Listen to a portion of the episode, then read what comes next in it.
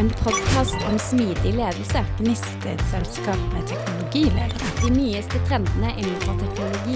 Mitt navn er Karoline. Og jeg er Silje. Dette er Kort og godt med Gnist. Hallo, hallo, og velkommen til Kort og godt med Gnist. I dag har jeg vært så heldig at jeg har fått med meg Robert Steen, og vi skal snakke om datadrevenhet i offentlig sektor. Robert er en eh, ledende stemme innen digitalisering i offentlig sektor. Han har en imponerende karriere bak seg og har vært en nøkkelperson i å fremme datastyrte løsninger for å forbedre offentlige tjenester. Robert er en eh, lederskikkelse og politiker med to mastergrader i henholdsvis økonomi og ledelse.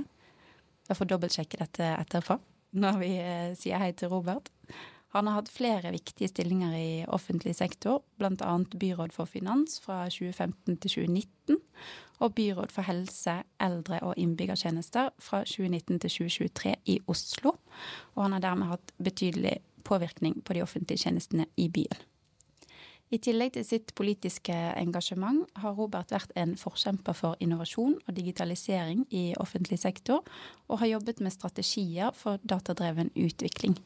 Gjennom sin karriere har han arbeidet for å modernisere offentlig sektor og skape bedre tjenester ved hjelp av datastyrte løsninger. Robert var også med å starte Oslo Origo, et prosjekt som senere ble en etat, som skal sikre osloboerne bedre innbyggertjenester. I dag skal vi dykke ned i temaet datadrevenhet i offentlig sektor, og jeg gleder meg til å høre Robert sine tanker og erfaringer om hvordan data kan brukes til å skape bedre tjenester og en mer effektiv offentlig sektor. Velkommen, Robert. Takk for at du kunne komme. Tusen takk skal Silje. Og som jeg sa til deg i stad, dette er jo et privilegium. Majoriteten av Norges befolkning blir ikke invitert hit.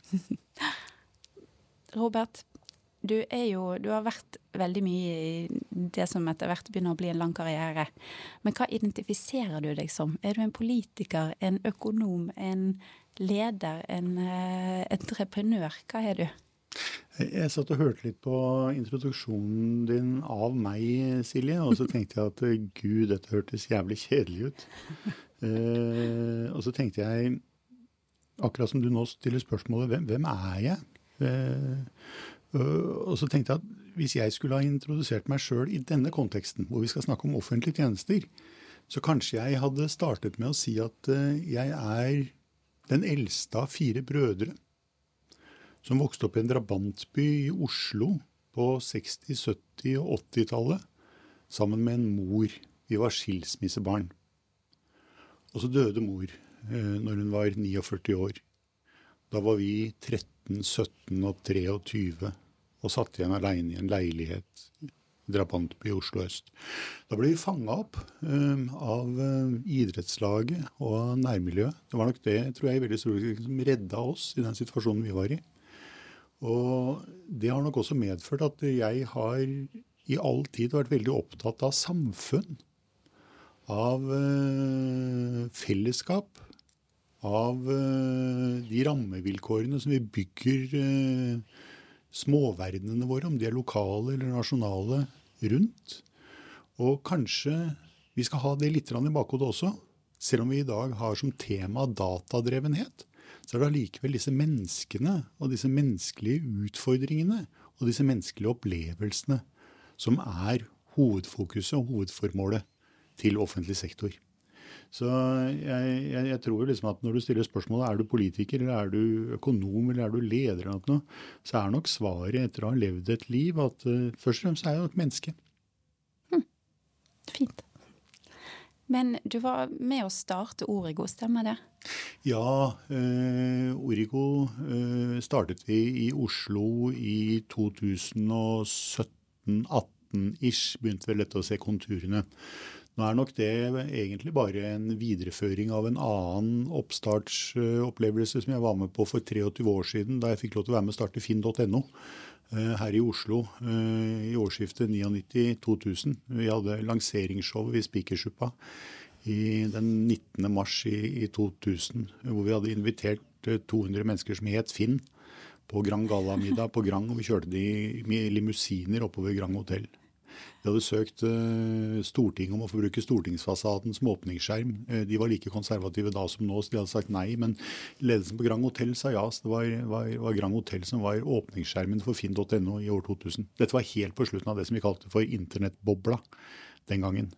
Uh, og det, det, det, var jo også med å skape en del erfaring mitt, uh, for mitt ståsted. Uh, I 15 år deretter så skal jeg få lov til å være med og sitte ganske tett innpå hele den digitale transformasjonen til medieselskapet Skipsted, som i dag anses å være en av de medieselskapene i verden som har klart den transformasjonen fra den analoge verden til den digitale verden best. Jeg fikk lov til å være med å spre finn.no til 36 land på alle kontinenter. Uh, og i 2015 så tar jeg da med meg den erfaringen over i politikken, over i Oslo uh, som finansbyråd i første omgang, helsebyråd i neste omgang under pandemien, men hele tiden med et overordnet ansvar for digitaliseringen. Og det var mye av det vi gjorde i Skipsted på begynnelsen av årtusenskiftet. VG-nett. Uh, Sesam. Vi skulle lage en søkemotor for Skandinavia som skulle utkonkurrere Google. Det fikk vi ikke til. Eh, men vi lagde noen sosiale nettverk, og vi lagde selvfølgelig finn.no, eh, som jo er blitt markedsplassen både her hjemme og rundt omkring i hele verden i ettertid. Eh, og vi lærte en del i den sammenhengen gjennom de 15 årene som jeg tok med meg inn i kommunen, og som var med på danne grunnlaget for å danne denne organisasjonen som vi kaller for Origo i Oslo. Og som du skjønner, Silje, jeg svarer sjelden kort på spørsmål, så kort og godt er nok vanskelig tittel på det programmet. jeg syns det, det, er helt herlig. Problemet mitt er at det kommer så mange spørsmål til deg underveis. Men jeg syns du bare skal prate, og så tar jeg de spørsmålene ettersom. Men disse mastergradene dine, det, har du havnet der du er på grunn av en interesse for økonomi og ledelse som startet tidlig, eller er det disse menneskene som du nevnte, det er helt tilfeldig at du endte opp med, med disse to mastergradene? Og er det i økonomi og ledelse? Jeg er nok født med en uh, over gjennomsnittlig strukturert uh, hjerne. Uh, og Det betyr at det, det, er nok først og fremst de analytiske fagene som, som trekker meg. det er nok ikke noe tilfeldig at det ble økonomi og ledelse og ikke kunst og, og, og, og filmskapning f.eks. Altså de, de, kreative bitene, eh, der må jeg ha hjelp. Jeg må trigges for å kunne være kreativ, eh, mens det strukturelle, analytiske ligger nok lettere for meg. Så helt tilfeldig er det nok ikke. Noe av dette ligger nok i DNA-et som er, medfødt.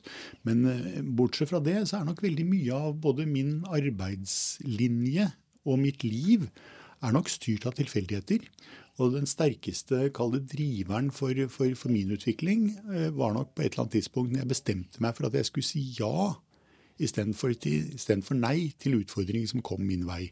Så når jeg har blitt spurt om å gjøre noe, så har jeg stort sett ja, sagt ja eh, til det. Og det har brakt meg til forskjellige steder. Jeg har f.eks. Eh, jeg tror ikke jeg har søkt noen jobb i mitt liv. Eh, og, og, mitt arbeidsliv er nå blitt over 35 år gammelt. Eh, sånn at det er nok veldig lite bevissthet fra meg sjøl. Jeg har nok mer liksom, eh, tatt noen muligheter som har dukket opp når de har budt seg. Fordi jeg har vært nysgjerrig og positivt innstilt til det. Og det er nok det som har brakt meg dit jeg har, i mye større utstrekning til at det har vært noen plan bak det. Mm. Jeg må nok innrømme det. Ja. Det høres ut som du er privilegert, så jeg føler meg ekstremt privilegert for å sitte her og prate med, en, eh, ja, med deg, Robert. Men det jeg eh, også tenkte på her nå eh, Hva var det? Nå mistet jeg tråden. Um, dette kan vi heldigvis bare klippe bort. Det var en tanke som ramlet ned i hodet på meg. Var det noe som sto her? Skal vi se. Ja. Jeg hører jo, Robert, at du er tall og datoer, og liksom du har alle disse årstallene eh, på rekke og rad. Og når jeg fortalte hvor gamle mine døtre er, så var du ganske snar med å, å si ah, OK, så de har så og så mange måneder imellom seg og, og sånn. Men data og den type, type ting, har du alltid vært opptatt av det, eller hvor kommer denne overbevisningen eller interessen for det som vi skal snakke om i dag, som er datadrevenhet? Jeg, jeg tror nok refleksjonen er veldig riktig, Silje. Um, det analytiske har alltid ligget der. Det å trekke uh, Jeg klarer å lese massevis av spennende historier ut av årsregnskaper. Når jeg sier det til folk, så tror de jeg er klin gæren. Og så er det noen økonomer som nikker gjenkjennende. Og det er vel der hvor egentlig kanskje denne interessen har kommet. Jeg kan lage historier, jeg kan etablere sammenhenger basert på tall og enkeltelementer. Eh, og denne datadrevenheten som vi etter hvert skal inn på å snakke om her, handler mye av det samme. Så, så, dette er nok noe som har vært med meg eh, som, som, liten guttunge. Jeg samla på alt mulig. Jeg samla på frimerker, jeg samla på servietter, jeg samla på glansbilder, jeg samla på korker, jeg samla på mynter. Korker var ikke mutter'n så veldig eh, happy for, fordi det ble jo mange pappkasser med brukte bruskorker hjemme. Eh, alt dette er jo data. Så jeg, så jeg, hadde jo databaser for disse tingene her. Riktignok fysiske, analoge databaser, eh, men, men, samlet det. Eh, og, og, så katalogiserte jeg det. Eh, særlig frimerkene mine hadde jeg jo egne, jeg hadde egne bøker hvor jeg skrev opp uh, hvor, uh, hvilke frimerker jeg hadde, når de var trykket, hvilken valør de hadde, hvilken verdi de hadde, hvor jeg hadde kjøpt de hen. Og Det er jo da struktureringen av dataene. Eh, så, sånn at På min enkle måte som fem-, seks-, syv-, åtteåring så lagde jeg databaser. Jeg strukturerte de. Eh, jeg gjorde de søkbare. Eh, så, så Det kommer jeg på nå når du da stiller spørsmålet. Men, men, først og fremst så er det nok dette med forståelsen for verdien og effekten i datadrevenhet har nok kommet litt mer i voksen alder. Jeg fortalte at jeg var med å starte finn.no, og så har jeg vært med på internasjonaliseringen av det. Dette ligger i dag i et selskap som heter Adevinta, som er notert på Oslo Børs og har en verdi på i underkant av 100 milliarder kroner. Så det er blitt en svær greie, det der. En av de første tingene vi gjorde når vi eh, startet med internasjonaliseringen av Finn, var å reise til Sverige og kjøpe et selskap som het Blokket. Blokket var den store Finn-tjenesten i Sverige. Den kjøpte vi. Eh, vi kjøpte den for ca. 300 millioner kroner tilbake i 2003-2004. Eh, og vi kjøpte den av bl.a. en seriegründer som het Pierre. Jeg jobbet en del år med Pierre etter at vi kjøpte Blokkut. Og en av de tingene han gjorde mens vi jobbet sammen, var at han begynte å utvikle værtjenester rundt omkring i verden. Basert veldig mye på det vi har gjort med Yr i Norge, som også er ganske langt framme. Uh, og på et eller annet tidspunkt så var han stor på vær i Spania, i Portugal og i India. Og vi sitter en sen fredagskveld med en øl et sted og prater litt om uh, livet og, og, og, og, bransjen vår og, sånt noe. Og så plutselig sier Pierre, vet du hva, Robert, dette har jeg tenkt mye på, men i morgen så kan faktisk jeg få 40 millioner mennesker til å gå ut i solskinnet med paraply. Så ser jeg på ham Hva tenker på noe, Per. Jo, altså jeg kan legge inn en tsunami på alle disse værvarslene. Og jeg har ca. 50-60 millioner brukere. Jeg er helt sikker på at hvis jeg bare legger inn stygt nok vær, så går de ut med paraply i morgen. Nå har vi hatt Hans i Oslo eh, i tre dager. Eh, forrige dagen så var vi hjemme. Eh, vi har flydd rundt paraply. Det har ikke regna så veldig mye. Men vi ser liksom hvordan denne datadunkinga oppi huet vårt gjør noe med atferden vår. Og Det var vel egentlig en samtale med Pierre på begynnelsen av årtusenskiftet som gjorde at jeg tenkte pokker, han har rett. Og her ligger det noen muligheter, men her ligger det også noen trusler. Eh, og Det er vel ting vi kommer tilbake til også, Silje. Dette med datadrevenhet. Ja, det gir oss noen fantastiske muligheter, men det gir oss også noen trusler. Eh, så, så, var det også slik at når vi startet Finn for, for, for 23 år siden, så var vi syv mennesker. Og det første vi kjøpte, det var to store flatskjermer. Flatskjermer i år 2000 kosta enormt mye penger. Over 50 000 kroner den gangen eh, for hver enkelt skjerm. og Det var mye penger den gangen. Eh, de hang vi opp i resepsjonen vår og de viste kopiene til Finn, som er en markedsplass. Sidevisninger, eh, unike brukere og antall objekter til salgs var det som var på disse skjermene. Det drev den organisasjonen i alle alle år. Eh, og Jeg vil bli veldig skuffet hvis jeg kommer inn i Finn-organisasjonen og de ikke har speedometerne sine fortsatt oppe.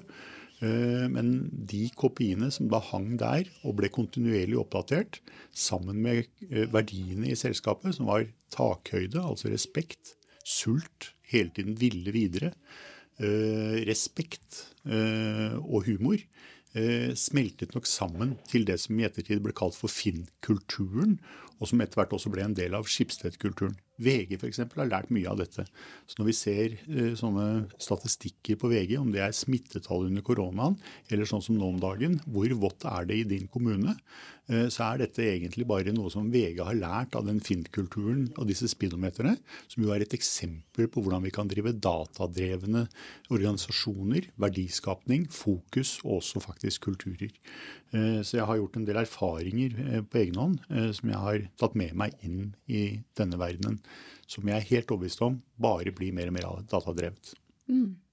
En kultur høyst relevant for, ja, for samfunnet i dag òg.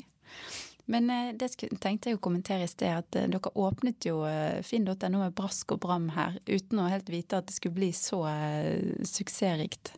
Altså denne, denne, velkomsten, holdt jeg på å si, eller med disse personene som heter Finn og kjører i biler mm. og Ja. Det var litt kult, da. At, ja, eh, og, og for Som at dere visste at dette skulle bli en suksess? Nei, vi gjorde, vi gjorde jo ikke det, eh, som du sier. Og det betyr jo også at jeg vil tro at alle som er under, i hvert fall under 40 år, eh, har vanskeligheter for å huske, og kanskje også vanskeligheter for å skjønne, at det bare for 85 år siden så var internett fullstendig anarki. Og alt var gratis. Det var de to eneste sannhetene om internett. Det ble etablert av ganske radikale krefter med det for øye. Her skulle ingen bestemme. Alle skulle bestemme. Det er anarkibiten. Og alt skulle være gratis. Det var basisen for etablering av internett uh, for uh, ja, begynnelsen av 90-tallet. Uh, eh, når vi liksom begynte å se at de oppringte modemmene begynte å virke for oss. Og når vi da startet Finn noen år seinere, i begynnelsen av år 2000, så var fortsatt det situasjonen. Så vi ante ikke hvor vi skulle tjene penger. Vi ante ikke noe om dette her kom til å bli noen suksess i kommersiell forstand. Men vi var helt overbevist om at dette produktet og denne tjenesten var så ekstremt mye bedre enn den papirtjenesten som vi hadde fram til da. At vi ville allikevel bringe dette ut til folk, sånn at man kunne bruke noe som vi var overbevist om var 100 ganger bedre enn det de hadde. Og så eh, skjer jo ofte det som da skjer, det er at eh, når du bringer noe til torvs som oppleves å ha en verdi, og kanskje også har det så til gangs, så vil også betaling komme i den andre enden. Selv om du ikke vet akkurat hvordan og, og, og hvor og når.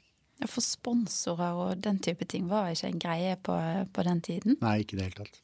Men hvordan tenkte dere å, å skape profitt, eller var ikke det vi, vi, vi, fortalte jo historier til investorene. da. Investorene i dette sammenhengen var jo de store avisene i Norge. Aftenposten, Bergens Tidende, Adresseavisa, Fedrelandsvennen eh, og Stavanger Aftenblad. Altså ikke, jeg tror kanskje ikke de kjøpte historiene våre så, så, så, voldsomt. Vi snakket om noe vi kalte for oransje penger, som var nye inntektsstrømmer som skulle komme rundt disse annonsene. I dag er det lett å se det. Eh, det å være en Volvo-forhandler og være i nærheten av en brukt Volvo som du søker etter Hvis du går inn på, på, Finn og søker etter brukt Volvo, så vil sannsynligvis annonsene rundt den sida være fullt av Volvo-forhandlere og Volvo-merkevare. Det var ikke naturlig, det så man ikke eh, når vi startet opp disse tingene her. Eh, da så man egentlig bare denne Volvo-annonsen i avisen sammen med massevis av andre avisannonser, og det så ganske rotete ut, og det var vanskelig å lese det som sto der, fordi man betalte per millimeter. så en Eh, bilannonse kunne være typisk Volvo 4 kryss 4 S25K T221619. Volvo firehjulsdrift selges for 24 000 kroner, og så ringer du dette telefonnummeret. Men man hadde sånn stammespråk fordi man betalte per millimeter, så man prøvde å gjøre språket så kort som mulig. Det var en verden man, man levde i. Og alle som kjøpte og solgte biler, og alle som jobba i avisene, de kunne ikke se at det var noen annen måte å gjøre dette her på. I dag virker dette helt merkelig når man da hører disse historiene. Men det var dette vi prøvde å se konturene av. Men det som virkelig gjorde at vi fikk investorer fra eierne som da eide disse markedene på papir, det var at det var en del amerikanske nettsteder som begynte å etablere seg i Norge for kjøp og salg av biler og boliger og sånt den gangen. Så man så at det var potensielle konkurrenter som kunne komme inn og ta disse deler av disse markedene fra seg. Så det var nok frykt som mer drev det å ville investere i en Finn-operasjon den gangen, enn det var å se mulighetene. Eh, men nå har historien blitt veldig veldig bra, da, som sagt, og gudskjelov at vi, vi, gjorde det, at vi fikk lov til å gjøre det. Mm. Men det er ikke alltid alt er like lett å få til, og det er ikke alltid like intuitivt når man står der. det er mye lettere å skrive historien i bakkant. Mm. Og hvis man tenker litt stort på det her, så har dere jo egentlig På den tiden så tok dere data som man, man visste om, og digitaliserte det og viste det på internett for, eh, for omverdenen, eller Norge i det minste. Og dette med datadrevenhet, altså hva er datadrevenhet for deg? Og vi snakket også om er det et ord i det hele tatt. Men uh, datadrevenhet, hva tenker du om, om ordet, Robert? Jeg, jeg syns det er et godt ord, uh, og jeg syns det er et dårlig ord. Uh, og det at det både er det ene og det andre, det lener meg jo da i retning av at det er faktisk et godt ord, fordi folk begynner å tenke. Hva, hva, kan, hva, kan, det være hun eller han mener med, med datadrevenhet? Fordi data er jo ikke noe annet enn kunnskap, informasjon. Det er kanskje et informasjonspunkt, det er en bokstav i en bok. Eh, data, det er, det er, det som nå strømmer inn i ørene dine hvis du hører på denne podkasten. Eh, data har vi alltid hatt og drevet med. Men når vi nå eh, relanserer datadrevenhet i vår kontekst, så er det jo veldig ofte vi tenker på digital kodet data som formidles på en eller annen digital teknologisk plattform. Og Det spennende med det å ha digitalisert alle dataene i verden, er at de nå gjøres tilgjengelig potensielt for alle. Så alt som egentlig er skapt av kunnskap av mennesket gjennom hele vår historie, er nå tilgjengelig. Og Det er tilgjengelig for alle, når som helst, hvor som helst, og det kan kombineres med hva som helst. Og ut av det så kan det komme, kommer det helt sikkert fantastiske løsninger. Jeg mener at uh, den datadrevenheten som vi egentlig snakker om her nå, Silje, nemlig den digitalproduserte og distribuerte datadrevenheten, det er det som kommer til å løse bærekraftsutfordringene våre. Det som kommer til å løse klima- og miljøutfordringene våre, er denne datadrevenheten her. Det som kommer til å løse barnefattigdommen, er denne datadrevenheten. Det som kommer til å løse vårt behov for frisk vann til alle mennesker i hele verden, er denne datadrevenheten. Så det er intet mindre enn det vi nå står egentlig på terskelen til å begynne å få lov til å ta inn over oss. Og her gjelder det da å både benytte oss av den tidsramma som er gitt oss, men også å ta det ansvaret som er gitt oss ved å ha gitt oss denne muligheten til å kunne gjøre verden helt fantastisk annerledes. Men når skjønte du det, og når skjønte du at dette må inn i politikken? Jeg må være med her på å bidra til at vi blir sterkere på dette feltet? Det har nok kommet gradvis, men det er klart at uh, et sted hvor det var veldig synlig, uh, og det tror jeg liksom lytterne også kjenner til, i hvert fall de som er her i Oslo uh, Vi har nesten glemt at vi for veldig kort tid siden satt midt oppi en pandemi. Den traff oss i veldig stor utstrekning i januar-februar i 2020 vinterferieturistene kom tilbake fra Ischgl i Østerrike. Eh, og så stenger vi eh, landet mer eller mindre i begynnelsen av mars. 12. mars stenger vi skolene, vi stenger barnehagene, stenger butikkene, stenger idrettshallene. Eh, og vi blir sittende hjemme, og vi er redde. Vi ser på TV, vi ser TV-signaler fra Italia. Leger som sover under operasjonsbordene. Uh, overleger som gråter. Uh, vi har ikke noen plasser til å, fortelle, til, til, til å legge alle likene. Det var ganske dramatiske uh, øyeblikk. Heldigvis er vi mennesker sånn at vi fortrenger sånne ting veldig fort. Men det er som sagt ikke mer enn tre år siden disse bildene kom over oss. Og dette rei oss i, i, to år. En av de første tingene vi gjorde her i Oslo, hvor jeg da satt som helsebyråd, var at vi lagde speedometerne våre igjen. Så da kom speedometerne til Finn opp på veggene i helseavdelingen her i Oslo på rådhuset. Uh, Riktignok så var innholdet litt annerledes. På de speedometerne uh, så kunne jeg se hvor mange som var smittet den siste timen. Hvor de bodde henne. Uh, hvilken alder de var i. En del andre bakgrunnsdataer. Jeg kunne se hvor mange det var som hadde møtt opp på teststasjonene. Jeg kunne se hvor mange som hadde ringt til eh, koronatelefonene. Jeg kunne se køene på legevakta. Jeg kunne se belastningen på fastlegesystemet vårt. Og etter hvert også når eh, koronavaksinen kom, eh, først i romjula i 2020, så utover våren og sommeren 2021, så kunne jeg også se omtrent hvem det var som ble vaksinert når, og hvordan vaksinespredningen var. Disse tingene sto på min skjerm fra jeg sto opp om morgenen til jeg la meg om kvelden. tidligste morgenen jeg var i gang, var klokka kvart over tre en gang, Halvard, på, på, morgenen altså, hvor Halvard Sandberg i NRK ringer meg og skal ha nyhetssending klokka fem på radio.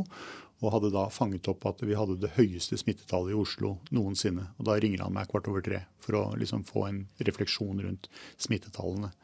Og dette holdt gående til i hvert fall over midnatt hver eneste dag. Så disse tallene de satt jeg med foran meg mer eller mindre kontinuerlig i to år. Og det dannet basisen for alle våre pressekonferanser. Alle våre beslutninger om tiltak.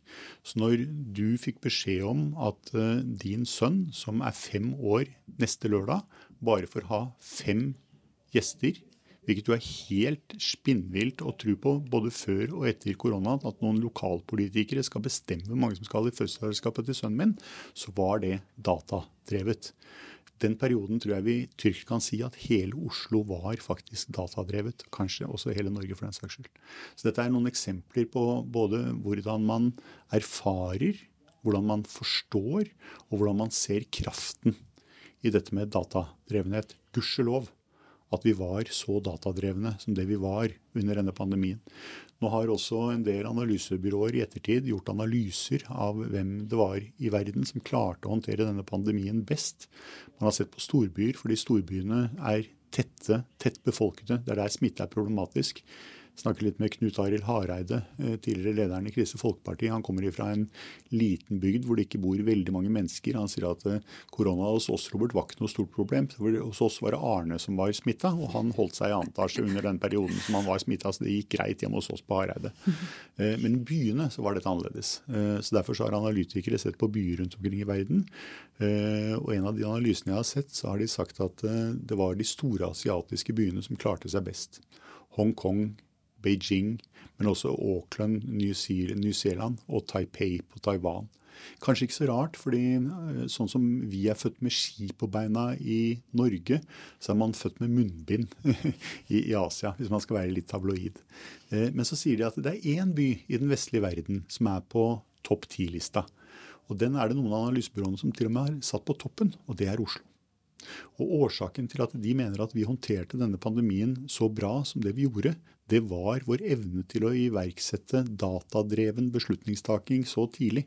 Og at vi klarte faktisk å styre byen basert på data i sanntid. Og det har gjort at analysebyråene anser at Oslo var den byen i verden som klarte å håndtere pandemien best.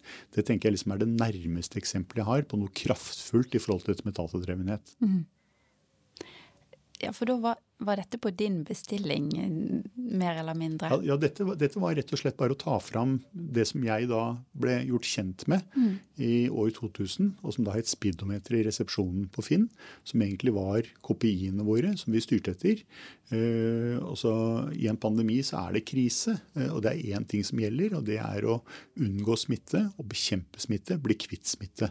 Og Da er det relativt enkelt å få opp kopiene knyttet til det. og Da fikk vi det opp på, på, på veggene våre, eh, først i avdelingen.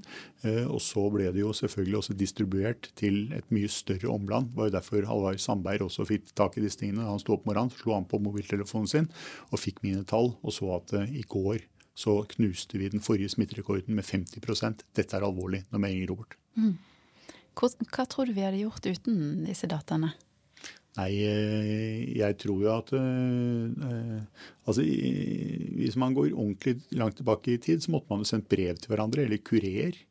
Eh, med informasjon og kunnskap. Eh, så Man hadde jo kunnskapsflyt og kunnskapsformidling tidligere også. Men nå har vi altså fått en, en, teknologi som gjør at vi kan sette det i et system og en struktur, og vi kan distribuere det i sanntid. Og Det er jo dette volum- og sanntidsaspektet, skaleringen, som er det store og det fantastiske med teknologien. Eh, og, og, og uten det under pandemien så ville det nok gått lengre tid. Vi ville nok hatt strengere tiltak over lengre lengre tid. Vi ville hatt mindre forståelse for hva som skjedde, for vi hadde ikke fått den samme inputen.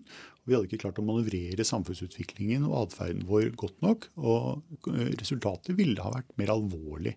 Eh, det er jeg ikke i tvil om. Men hvis man tenker litt større på det, offentlig sektor hvis, eh, hvis man ikke har drevet med datastyrt utvikling, hva er det vi har drevet med? Vi har drevet med datastyrt utvikling, eh, men den har ikke vært eh, digitalt eh, kodifisert og distribuert. Eh, igjen tilbake til det jeg sa tidligere. altså Sitter man på et saksbehandlerkontor og skal ha behandlet en byggesak man ønsker å bygge seg et hus f.eks., så er jo det datadrevet. Man fyller ut et skjema, man leverer det, kanskje sender i posten. Man går ned på plan- og bygningskontoret, man har et møte med saksbehandler, man har med seg arkitekten sin osv. Alt dette er jo data og datadrevet. Eh, men en typisk byggesaksbehandling tar måneder, eh, kan ta år for den saks skyld. Eh, i 2016-2017 litt som en forløper til Origo. Eh, og Noe av det første jeg gjorde når jeg kom inn i, i, kommunen som politiker, var at jeg lagde en film som skulle prøve å være en slags form for å visualisere hvordan et fremtidig, mer datadrevent Oslo kunne se ut. Den filmen heter 'Historien om Tim'. Går du på YouTube og søker historien om Tim, så finner du den animerte filmen. Den lagde vi i 2016-2017. I den filmen så søker Tim på et eller annet tidspunkt om å bygge ut huset sitt. Det gjør han selvfølgelig på skjermen sin, kanskje til og med på en søndags ettermiddag sammen med familien sin. Og så trykker han send-knappen, og så går det to sekunder, så har han godkjent byggesøknaden. Dette er ikke utopi. Men når jeg viser denne filmen til arkitekter, så ler de høyt. Dette er noe av det morsomste de har sett. fordi de kan ikke se for seg en verden hvor en byggesøknad kan eh, aksepteres på to sekunder etter at du har sendt inn alle papirer og alle tegninger. er ikke mulig. Men det sa vi om selvangivelsen for 25 år siden også. Nå bruker vi ikke to sekunder engang. fordi at hvis vi ikke forholder oss til den SMS-en om at nå er selvangivelsen din ferdig, eller skattemeldinga som det nå heter, eh, så bruker vi null tid på det. Jeg husker at jeg brukte en måned på bare å finne fradrag og kvitteringer og lese meg opp på regler, og så stå i kø foran skattekontoret eller rådhuset for å levere den selvangivelsen 31.1 hvert år. Og de som er på min alder, husker de historiene. Så her brukte vi altså, og vi brukte advokater, vi brukte advokatbyråer, vi brukte venner. Alle middagsselskaper i januar måned handlet bare om én ting, og det var skatter og skattefradrag og gode tips. Eh, så alt dette har vi klart å redusere fra en enorm samfunnsoppgave til ingenting. Tilsvarende kan vi gjøre med veldig mange oppgaver i offentlig sektor. Byggesak tror jeg er et veldig godt sånt eksempel. Men nå er jo vi fokusert på offentlig sektor, men er datadrevenhet er det noe forskjell på det i det offentlige og i det private? Jeg tenker ikke det. Eh, det er, den samme i og for seg eh, tematikken vi snakker om. Og øh, mange områder i private har kommet langt. Jeg synes Særlig finansnæringen har selvfølgelig kommet veldig langt. Men jeg syns også Ruter har kommet ganske langt i sin datadrevenhet. Det er jo et kommunalt selskap. Øh, sånn at øh, her, her, her, er det nok ikke noen store forskjeller på, på, på privat og offentlig i forhold til tematikken, tenker jeg.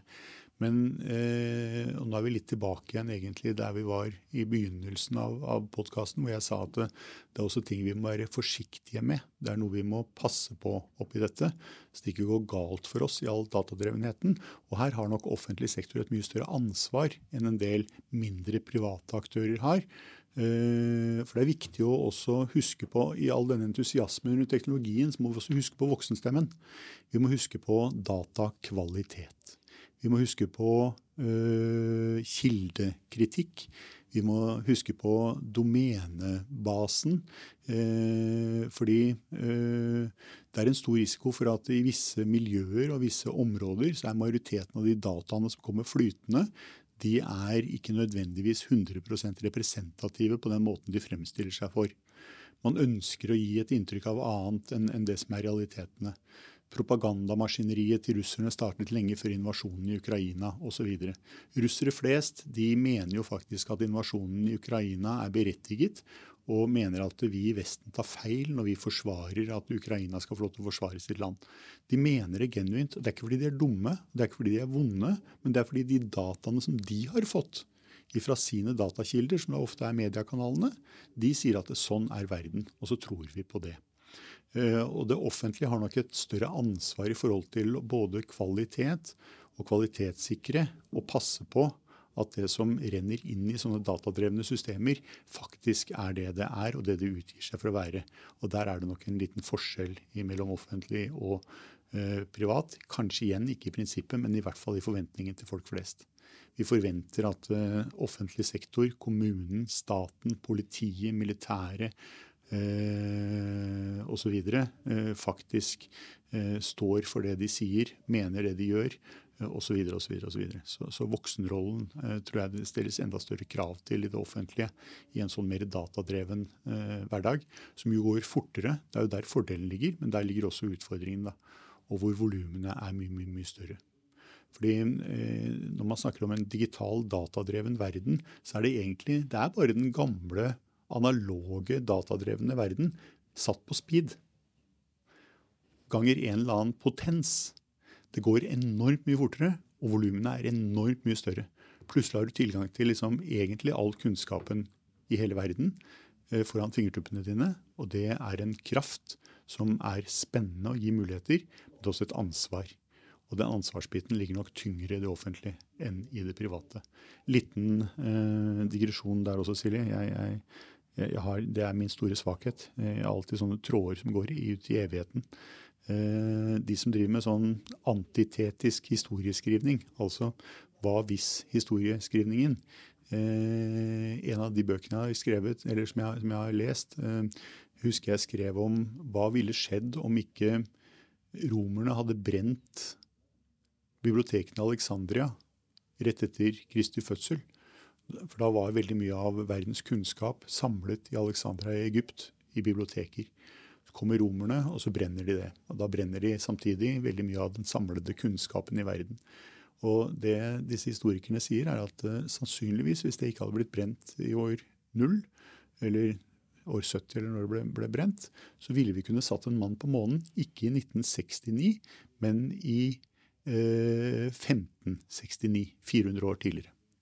Hvor ville vår verden vært hvis månelandingen fant sted i 1569 istedenfor i 1969?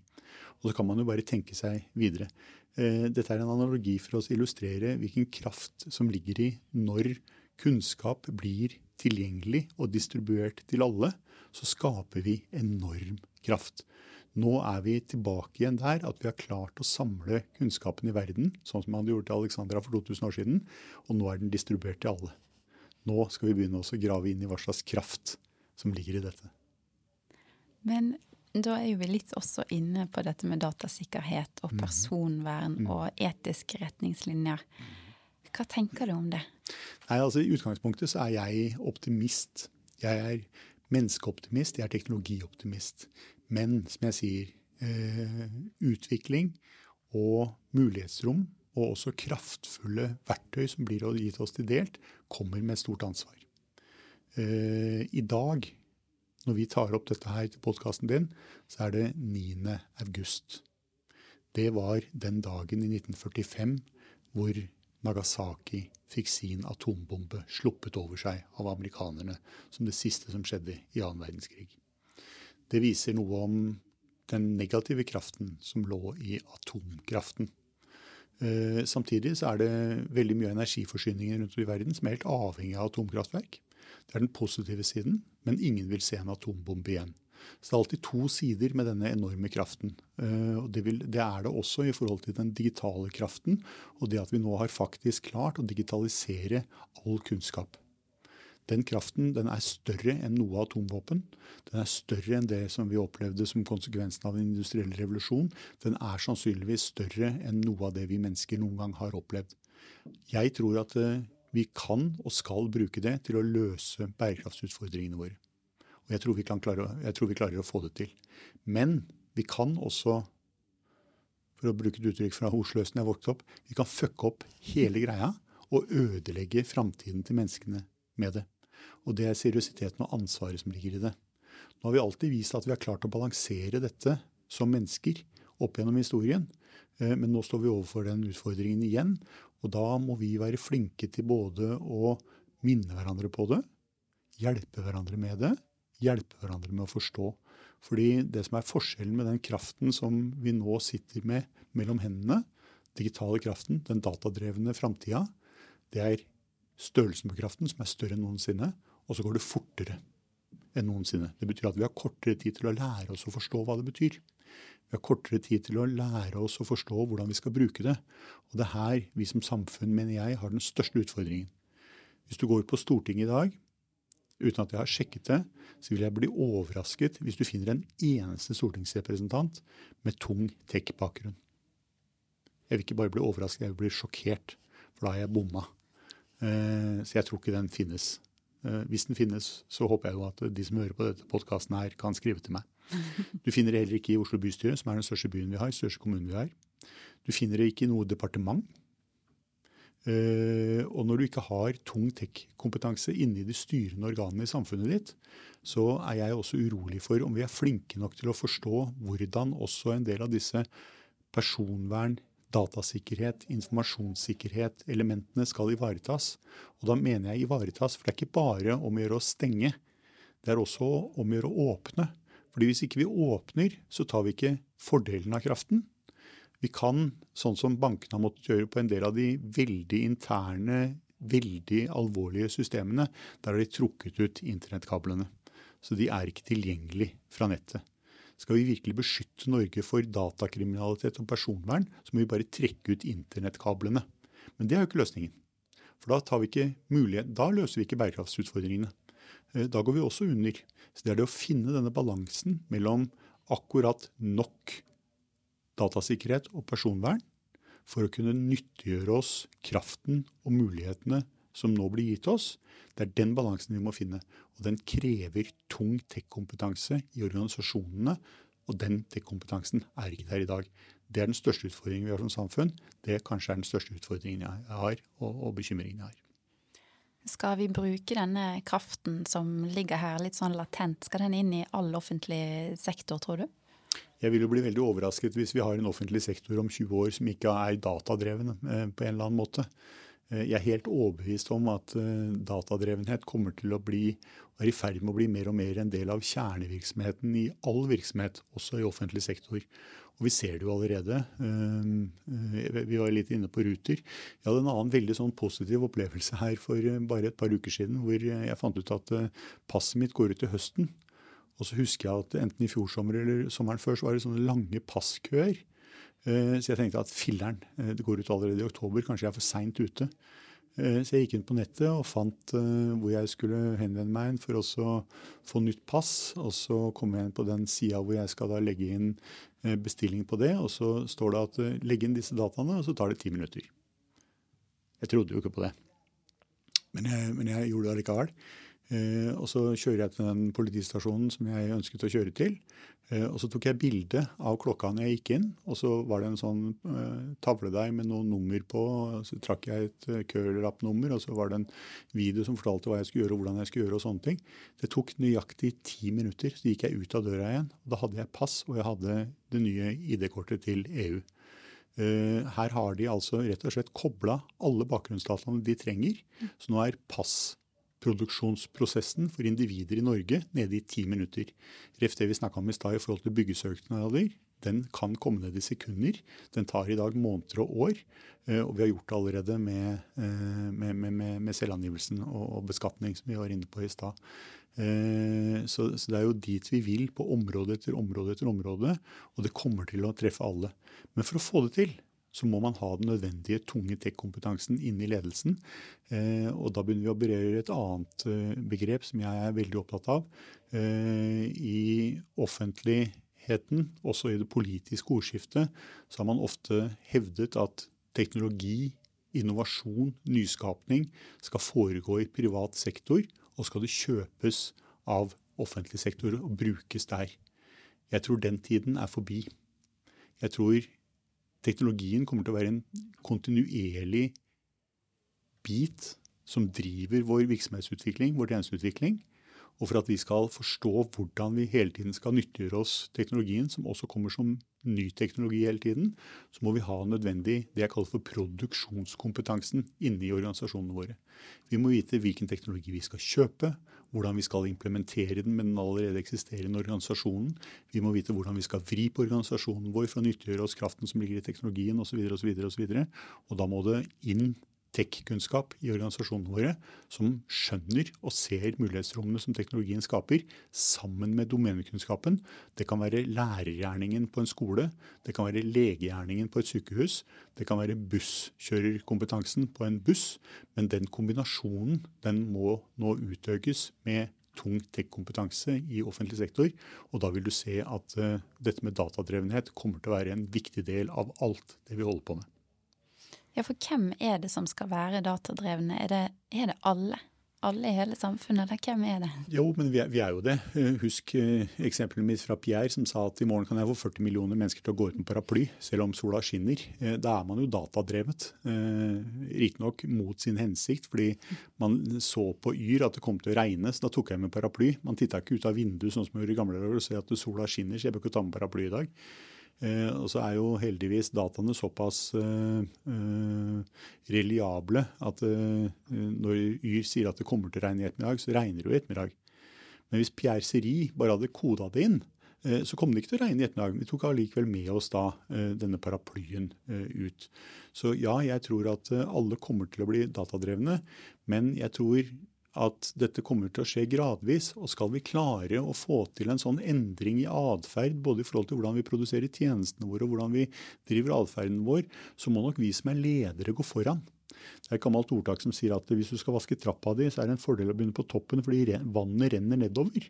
Eh, og Sånn er det nok litt med atferd og atferdsendring og sånt også. Eh, jeg tror nok at organisasjonens ledere, hvis de virkelig vil at organisasjonens medlemmer, altså de ansatte, skal i større utstrekning bli datadrevne, så må man begynne med seg sjøl. Så jeg tror man skal begynne et sted, men jeg tror nok alle kommer til å være en del, helt naturlig del av det, og på visse områder så er vi det allerede. Mm. Godt poeng. Uten å tenke over det, så er vi nok mer styrt av data enn det vi er klar over i ja. egen hverdag. Altså rutetider. Mm -hmm. Avgang på buss. Dette er jo data. Du er klar til at du, Det bestemmer når du går ut av døra di jeg, jeg veit at det tar akkurat sju minutter fra meg og bort på trikkeholdeplassen. Så, så, jeg går sju minutter før den trikken skal gå. Da rekker jeg det akkurat. Det er jo datadrevet. Mm. Det er jo det. Kunne ønske jeg var så klok som deg, Robert. Så reflektert. Jo, men du, du er har... jo det når du har fått lov til å leve så lenge som det jeg har gjort. jo, men det, dette kommer ikke fra noe skolebenk eller noe studie, på en måte. Dette er jo ting du har skjønt. Altså kanskje allerede med Finn, at uh, hvilken kultur man trenger for å å oppnå effekt for folket, holdt jeg på å si. Altså skape verdi. Det er jo det ja, det dreier seg om. Og så tror jeg jo at eh, Jeg fortalte litt om, om, oppveksten min og barndommen min og sånt også. og eh, Jeg pleier å si at jeg er jo, jeg er jo født inn i fotballaget nede på Løkka. Og, og, så det er nok der det begynner. Samvirke med andre. Hvordan informasjons utveksling kan skape resultater. Og Det behøver ikke være noe annen mer avansert informasjonsutveksling enn at Kai løp fram, så skal jeg sparke en lang ball, og så kan du skåre mål. Eh, og så, så, skjedde jo det, da. Og så går du til finalen i Norway Cup. ikke sant? Sånn at eh, det med datadrevet informasjonsutveksling eh, har jo vært en del av, av, mitt liv, er jo en del av alles liv. Det er bare at vi er kanskje ikke så reflekterte rundt det. Eh, og kanskje ved da å ha hørt på denne podkasten din, Silje, så er det enda mer folk som har blitt bevisste det, og kanskje kan reflektere enda mer rundt det. Så det er jo spennende, som jeg sa, lov til å være her og spre dette budskapet gjennom den kanalen som, som du driver. Hm, herlig. Det må jo Altså, ja, vi, er, vi står kanskje med et slags, eller ved et slags veiskille her, eller her har vi liksom alt av muligheter foran oss men det er også en viss risiko her. Eh, men når er vi der at alle er styrt av data? Vi ser bort ifra eh, tiltak som vi gjerne styres på i dag, som vi Altså noen tiltak som ble laget eh, opprettet for, for, flere måneder siden, basert på noen risikoer som vi oppdaget for enda flere måneder siden. Når kommer vi dit at vi faktisk tar beslutninger basert på data? Som sagt, vi, vi, gjør det jo allerede i dag til en, til en, til en viss grad. Eh, kommer vi noen gang til å komme dit hvor alt vi gjør, er basert på digitale data? Det er jeg mer undrende på. Eh, og det er jo fordi at eh, jeg har vanskelighet for å se hva som skjer etter at liksom jeg har forlatt den, denne planeten. Så, så, i min leve, levetid så kommer vi nok fortsatt til å ha irrasjonelle beslutningsgrunnlag, irrasjonelle beslutninger. Vi kommer til å ha beslutninger og, og, og produksjonsprosesser som, som, er ineffektive, som er kronglete. og så er det jo også slik at det finnes heller ikke noen objektiv forklaring på det ene beste på alt mulig. Det, det som jeg mener er best i verden, er på mange områder helt sikkert annerledes enn hva du vil definere som best i verden, eh, Silje. Så bare i det der så ligger det i og for seg spire til at vi finner ikke alltid de ideelle beslutningene, ideelle eh, grunnlagene. For selv Kanskje, om vi ser på de samme dataene, så kan det jo være at vi tenker ulikt? Ja, fordi selv om vi har et ordtak som sier at er mennesker som får den samme inputen og den samme kunnskapen, har en tendens til å komme fram til de samme konklusjoner, så er det ikke alltid sånn. Eh, og kanskje det ikke skal være sånn heller. Eh, det er en, en fantastisk låt, jeg tror det er John Legend som, som Jeg tror det er You den heter, og hvor refrenget sier I love your perfect imperfections. Jeg tror vi mennesker er litt sånn. Vi, vi, vi, vi liker også det som er litt klønete. Eh, det ble sagt om Jens Stoltenberg da han ble statsminister i 2013, kanskje også før når han ble finansminister eh, første gang i 2001, at eh, han ble respektert av alle fordi han var så innmari flink. Men det var vanskelig å bli glad i Jens, fordi han gjorde alt mulig riktig. Så ble Jens litt mer klønete etter hvert, og han, han, han dukka opp på noen sånne Eh, dokumentarfilmer fra Nord-Norge hvor han kjøpte klippfisk i baksetet på en bil og sånt. Og så blei han litt folkelig, og så blei vi glad i Jens i tillegg. Eh, jeg tror vi mennesker er litt sånn. Vi skal ikke være perfekte. Vi skal liksom elske litt det uperfekte også. Eh, så jeg tror, jeg tror, aldri vi, jeg tror ikke vi skal komme til at alt er datadrevet, alt er perfekt. Jeg tror ikke det er mulig heller, fordi at verden er hele tiden i bevegelse. Verden er hele tiden i forandring. Og Det betyr at gårsdagens sannheter er jo heller ikke nødvendigvis morgendagens sannheter. Eh, så I det så ligger det jo også egentlig et svar på spørsmålet hvis du noen gang skulle spørre meg om tror du at kunstig intelligens kommer til å overta alt mulig, så er jo svaret mitt inni der et eller annet sted. Eh, fordi jeg tror ikke vi mennesker ønsker det, og jeg tror heller ikke at det er mulig. Fordi at eh, endring og dynamikk er en del av livet. Mm. Men hvordan stiller du deg til kunstlig, kunstlig, kunstig mm intelligens? Nei, Også her så er jeg veldig optimist. Jeg mener jo at kunstig intelligens er jo egentlig eh, bare en annen side av datadrevet beslutningsunderlag. Eh, datadrevet verden, datadrevne prosesser. Det er jo kunstig intelligens. Eh, du, når jeg sier at vi kan ha byggesaksbehandling på to sekunder, så er det jo overtatt av kunstig intelligens. Det sitter jo ingen mennesker inne i de to sekundene. Akkurat som det sitter ikke noen mennesker inne og, be, og, og vedtar eh, altså Mesteparten av, av, av skatteleggingen eh, på enkeltpersoner i Norge er det jo ingen mennesker involvert i. Det er arbeidsgivere som sender inn data til et skattesystem som regner ut en skattesats som, eh, som, som, sender ut en differanse mellom det arbeidsgivere har trukket i skatt og det som du da skylder, som du kan innbetale på en bankkonto. Det er ikke noen mennesker involvert i det. Det er kunstig intelligens. Det er datadrevenhet. Det er jo egentlig bare to sider av samme sak. Eh, så jeg er i utgangspunktet veldig optimistisk, men som jeg sier, vi har en stor grad av ansvar i forhold til både dette med kvaliteten på dataene, kilden til dataene, opprinnelsesgrunnlaget, reliabiliteten osv. Eh, her har vi et stort stort ansvar som vi må ta på, på alvor. Og det fordrer at vi har forutsetninger, altså kompetanse og kunnskap om det vi holder på med. Eh, så her tror jeg det er viktig at vi må begynne å løpe, særlig på kunnskapssiden. Særlig hos beslutningstakere, særlig hos ledere. Mm. Både i offentlig og privat sektor. Skal det sitte noen eh, Hva begrep var det du brukte? Høyt eh, tech-utdannede eh, mennesker på, i politikken òg? Du nevnte at det ikke var noe der. Det, det må du jo gjøre. Politikken i et demokrati, politikere i et demokrati, er mennesker som skal være representative for samfunnet. Et samfunn som er veldig datadrevet, har mye tunge tech-kompetente mennesker i det samfunnet. Eh, jeg mener at vi har for få av dem i Norge totalt sett, men vi har en del, eh, tross alt. Det sitter, det sitter tunge tech-mennesker i, i, medieindustrien, i finansindustrien, i oljeindustrien. Mange sektorer som har tunge tech-mennesker. Men de er ikke representert per i dag i politiske styringsorganer. Det er en svakhet i det norske demokratiet.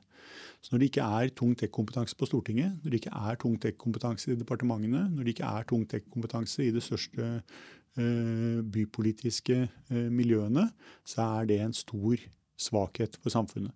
Da får vi ikke den riktige forståelsen. Vi får sannsynligvis heller ikke de riktige beslutningene på politisk toppnivå som det vi trenger for å drive samfunnet vårt framover. Både med den farten vi kunne ønske oss, men også med den sikkerheten som vi krever. Så når vi ser liksom det ene skandaleprosjektet på IT-sida etter det andre, når vi ser liksom data forsvinne, eh, når vi ser eh, eh, milliardprosjekter gå til grunne, så er det jo fordi vi gjør det galt. Det er relativt enkelt. Hvis noe går gærent, så er det nok noen som har gjort noe gærent. Mm. For å være veldig, liksom sånn, veldig, veldig banal. Uh, og hvis du går tilbake i, beslutningskjeden, så finner du jo da at de ultimate beslutningstakerne har jo egentlig ikke noen forutsetninger til å fatte de beslutningene de gjør. Og det medfører ofte da uh, dessverre uh, en, del, en, del, problematikk innenfor IT-området. Og, og, så prøver man å kompensere det med å sette på mer kontroll og styring. Og da mener jeg jo også at man, man trår feil. Det, er litt som at jeg skal jeg skal, en, jeg, skal, jeg skal, nå fly hele nabolaget mitt til Kanariøyene i februar måned. Eh, men jeg har ikke noen som kan fly det flyet. Så da setter jeg på mer kontroll og styring. Jeg er ikke sikker på at jeg hadde gått inn i det flyet, men det er litt sånn vi opptrer da, eh, i mangel på tung tech-kompetanse. Så setter vi på mer kontroll og styring. Det er liksom Finansdepartementets svar eh, på problemer i IT-prosjekter. Mens det innlysende svaret ville vært er du sikker på at vi har nok kompetanse inne til å gjøre de tingene som vi her har fått penger til å holde på med. Ja, for når, når, meldinger eh, fra politiet ikke kommer frem til, til, barnevernet, hva er det vi må gjøre annerledes, eller hva skal til for å, å lykkes fremover? Er veldig godt spørsmål, eh, Silje, for da går du til kjernen av det jeg mener er problemet. Når meldinger fra barnevernet eh, eller fra politiet ikke kommer fram til barnevernet, eller omvendt, så er det jo rett og slett for at vi fortsatt behandler teknologien som noe vi kjøper. Da er det noen som har kjøpt noe i teknologimarkedet og implementert det. Og så har de trykka på startknappen, og så surrer og går det, mens jeg går tilbake og holder på med det jeg alltid har gjort. Og på et eller annet tidspunkt så kommer noen, kanskje fra kommunerevisjonen eller Riksrevisjonen, inn og sier at jo, men her er det noe som har gått gærent. Er det noe som har gått gærent? Jeg veit ikke hva som skjer borti den boksen. Jeg har bare trykka på startknappen, jeg, sånn som det sto på bruksanvisningen. Og det har surra godt i mange måneder eller år. Surra godt i mange måneder eller år. Dette må vi se nærmere på. Her er det mye som er blitt borte her. Jeg, jeg, ikke spør meg, jeg har ikke noe peiling på dette. Litt stilisert, selvfølgelig, men jeg tror det er en relativt nær gjengivelse av det som skjer. Så Når vi tror igjen at teknologi er noe som vi skal kjøpe av det private markedet, og som det offentlige ikke skal ha peiling på og bare betale for, så må vi ikke bli overrasket over at vi ikke skjønner hvorfor ting går gærent, når det går gærent, eller hvorfor vi ikke har oppdaget at det går gærent. For vi har jo ikke peiling på det. Og det må vi ha. Eh, jeg er veldig glad i Torbjørn Larsen. Eh, Torbjørn Larsen gjorde veldig mye fantastisk for Nav. Eh, og han har noen sånne uttrykk som jeg stjeler fra han. Og et av de uttrykkene han bruker, det er du må ha peiling for å kjøpe peiling. Eh, og jeg har utvikla det litt lenger. Jeg har sagt at du må ha peiling for å utvikle peiling. Så skal du utvikle mer datadreven offentlig sektor, f.eks. mer datadrevet barnevern, ja, da må du ha peiling på hva datadrevet er. Det er så enkelt. Mm. Men hvordan Altså kompetanse har jo blitt nevnt her. Vi må, vi må forbedre kompetansen, og gjerne i alle ledd. Og ja, hele samfunnet må melde seg på, egentlig, for vi er mer styrt av teknologi og data enn det vi kanskje er bevisste. Men hvordan kan man få denne kompetansen og liksom den kunnskapen man trenger på det nivået man sjøl er på? Altså skal man ta kurs, skal man ta utdanning? Hva tror du er, er riktig vei å gå? min erfaring fra mitt liv, eh, og også fra det jeg har observert gjennom mitt liv, det er at det må alltid starte med erkjennelse. Første steget er at du må erkjenne at det er noe du mangler. Hvis du ikke har den erkjennelsen, men du tror du kan alt, og du vet alt, og ingen skal komme og fortelle meg noe, da kommer du ingen vei. Så du må begynne med erkjennelsen. Og har du skapt erkjennelsen, så er det mange måter. I Origo i begynnelsen så gjorde vi noe som vi også gjorde i Skipsted. Vi rekrutterte en del unge mennesker som har daglig erfaring fra det digitale området fordi man er født inn i det til rett og slett å bare være sammen med de litt mer seniorlederne som leder de forskjellige områdene. Vi kalte det for et øh, øh, program for unge digitale talenter og senior kommunale ledere. Og så para vi de sammen. Så det var en del altså 20-30-åringer fra universitetene og sånt nå, som gikk sammen med bydelsdirektørene våre, etatsdirektørene våre, og bare fulgte de på jobb. Med sine øyne. Eh, veldig godt eksempel eh, som kom ut av det, var en av bydelene våre som hadde veldig mye av det vi kaller for eh, tekniske hjelpemidler i hjemmet. En av disse tekniske hjelpemidlene i hjemmet er noe som kalles for en eh, medisindispenser som forteller deg når du skal ta medisinen din hvis du bor hjemme og kanskje er litt dement og husker ikke om du har tatt medisinen eller, eller om du, du, fortsatt skal ha den. Eh, disse ble kjørt gjennom politisk i Oslo bystyre for mange år siden. Viktig å få teknologiske hjelpemidler de som skulle bo hjemme lengre. De ble kjøpt inn, og så sto de på lager rundt omkring i bydelene fordi eh, det var ingen som ville ha de. Og dette spør hun bydelsdirektøren, denne unge Duffen, som vi kalte det, digital unge folk, uh, om vedkommende kunne titte litt på. Var, han var med en av hjelp, hjemmehjelperne ut, og så kommer han tilbake og sier i dag har jeg møtt det mest fantastiske mennesket jeg har møtt i mitt liv. Denne hjemmehjelperen som hjalp denne gamle dama med å få kledd på seg og stelle i stand frokost, alle sånne ting. Jeg har aldri sett et menneske med et så stort hjerte. Jeg, jeg er forelsket for resten av livet mitt. Men hun har jo ikke noe greie på teknologi. Så når hun skulle fortelle denne gamle dama at hun burde få en eh, teknisk medisindispenser, som hun sjøl ikke visste engang hvordan virka, så var det ikke så rart at den gamle sa nei, jeg tror jeg venter litt med det. Vil ikke ha det nå. Eh, så han kommer hjem og så sier han det. Min tanke er at kanskje du burde hatt et eget menneske som var flink til å fortelle hva disse dispenserne gjorde til disse menneskene, istedenfor at du bruker hjemmehjelpene til det. Det er en god idé. Så gjorde hun det, jeg tror det tok 14 dager, så var alle disse dispenserne ute av lagrene og ute hjemme hos folk. Eh, dette er liksom bare et bitte lite konkret, praktisk eksempel på hvordan man kan bygge kompetanse og innsikt. Vår verden, Silje, den er som en konsekvens av det vi har sett og det vi har gjort. Og vi definerer vår verden ut ifra det. Vi kan ikke noe annet. Men hvis vi er erkjenner at eh, det finnes nok noe mer der ute, og vi slipper andre inn og vi lytter til dem, så lærer vi av det. Så det der med læringen og bygge kompetanse 100 forskjellige måter. Men det må starte med erkjennelsen at jeg trenger det.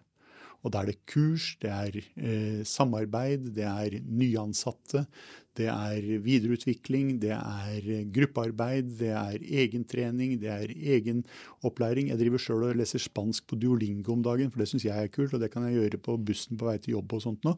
Så, så kompetanseheving, det kan vi jo. Det er vi gode på. Det er vi bra på. Eh, det, det får vi til. Men du må starte med erkjennelsen at jeg trenger det. Mm. Og tilgang har vi. Vi har jo tilgang på veldig mye. Ja, altså jeg tror jo til og med kompetanse kan være datadrevet. Ja. Men hva tror du, hvor er offentlig sektor med hensyn til data og teknologi i si 2040, da? Jeg tror det er to uh, scenarioer her uh, vi kan se for oss. Uh, eh, 2040 er Det er ikke så innmari lenge til. det er 16 pluss år. Eh, går man 16 pluss år tilbake i tid, så er man fortsatt på denne siden av årtusenskiftet. Det er man i 2007. Så selv om 2040 høres så innmari lenge ut, så er det ikke veldig lenge til. Men i dataverdenen, som jo bare akselererer i fart, så kommer veldig mye til å skje før 2040. Eh, jeg tror det er to scenarioer. Eh, enten så har vi klart å bygge denne kompetansen som vi her snakker om, inn i offentlig sektor. Og vi har klart å endre offentlig sektor slik vi kjenner den i dag, til at den virkelig er datadrevet. Sånn som vi har med skatt. Sånn som jeg syns russere har vært veldig flinke til. Nav har kommet veldig langt i den datadrevne biten. Eh, en god venn av meg eh, pensjonerte faren sin på en søndag ettermiddag i løpet av ti minutter over Nav-systemet. Så, så en god del områder så har faktisk offentlig sektor kommet langt i sin datadrevenhet. Dette må vi se mye mer av, særlig innenfor kanskje helse og utdanning, som er de store, tunge bitene innenfor kommunal offentlig forvaltning, i hvert fall. Eneste har vi fått til det. Da har vi fortsatt verdens beste offentlige sektor med verdens beste offentlige tjenester, som er veldig effektive, veldig moderne, veldig fremadlendte, og noe vi kan være stolte av i verden.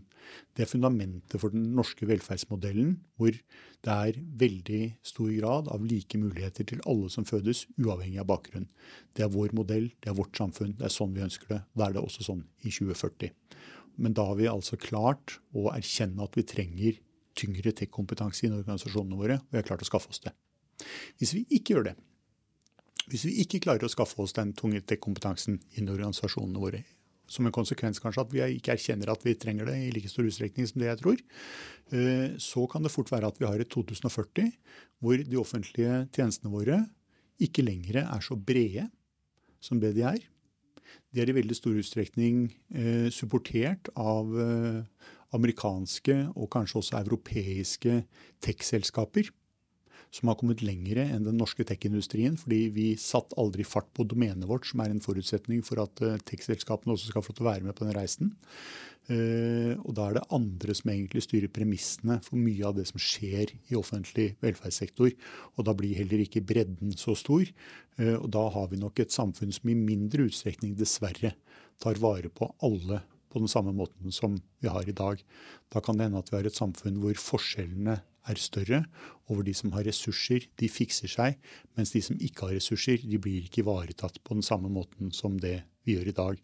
Fordi den leverandørindustrien som kommer fra USA f.eks., de lager løsninger basert på en amerikansk måte å tenke samfunnsutvikling på, og der er jungelens lov mye tøffere og mye mer implementert enn det den er i vårt samfunn. Så det er en kombinasjon av politikk, samfunnsutvikling, organisasjonsutvikling, tjenesteutvikling som treffes av akkurat det spørsmålet du stilte. Hvor er vi igjen i forhold til en datadreven offentlig sektor i 2040? Enormt viktig, veldig spennende. Men jeg er optimist. Hvis jeg får det som jeg vil, så er vi fortsatt i verdenstoppen. Mm. Herlig. Det er jo, Ellers så blir det jo som å trykke på knappen igjen, for noen andre har utviklet noe for oss basert på helt andre forutsetninger, ja, altså, og så kommer ikke meldingene frem. Vi, vi hadde en, når jeg ble eh, helsebyråd i Oslo i 2019, så var det et forslag fra regjeringen den gangen om at vi skulle investere i et svært journalsystem på helsesida i Norge som skulle hete Akson, eller det prosjektet het Akson, og var drevet av helseministeren og Helsedepartementet. Eh, det hadde gått så langt at man hadde eh, fremmet et forslag til Stortinget om en investeringsbevilgning på 11 milliarder kroner og ytterligere 11 milliarder til opplæring i dette kjempestore systemet, som sannsynligvis da skulle kjøpes fra en amerikansk leverandør som heter Epic.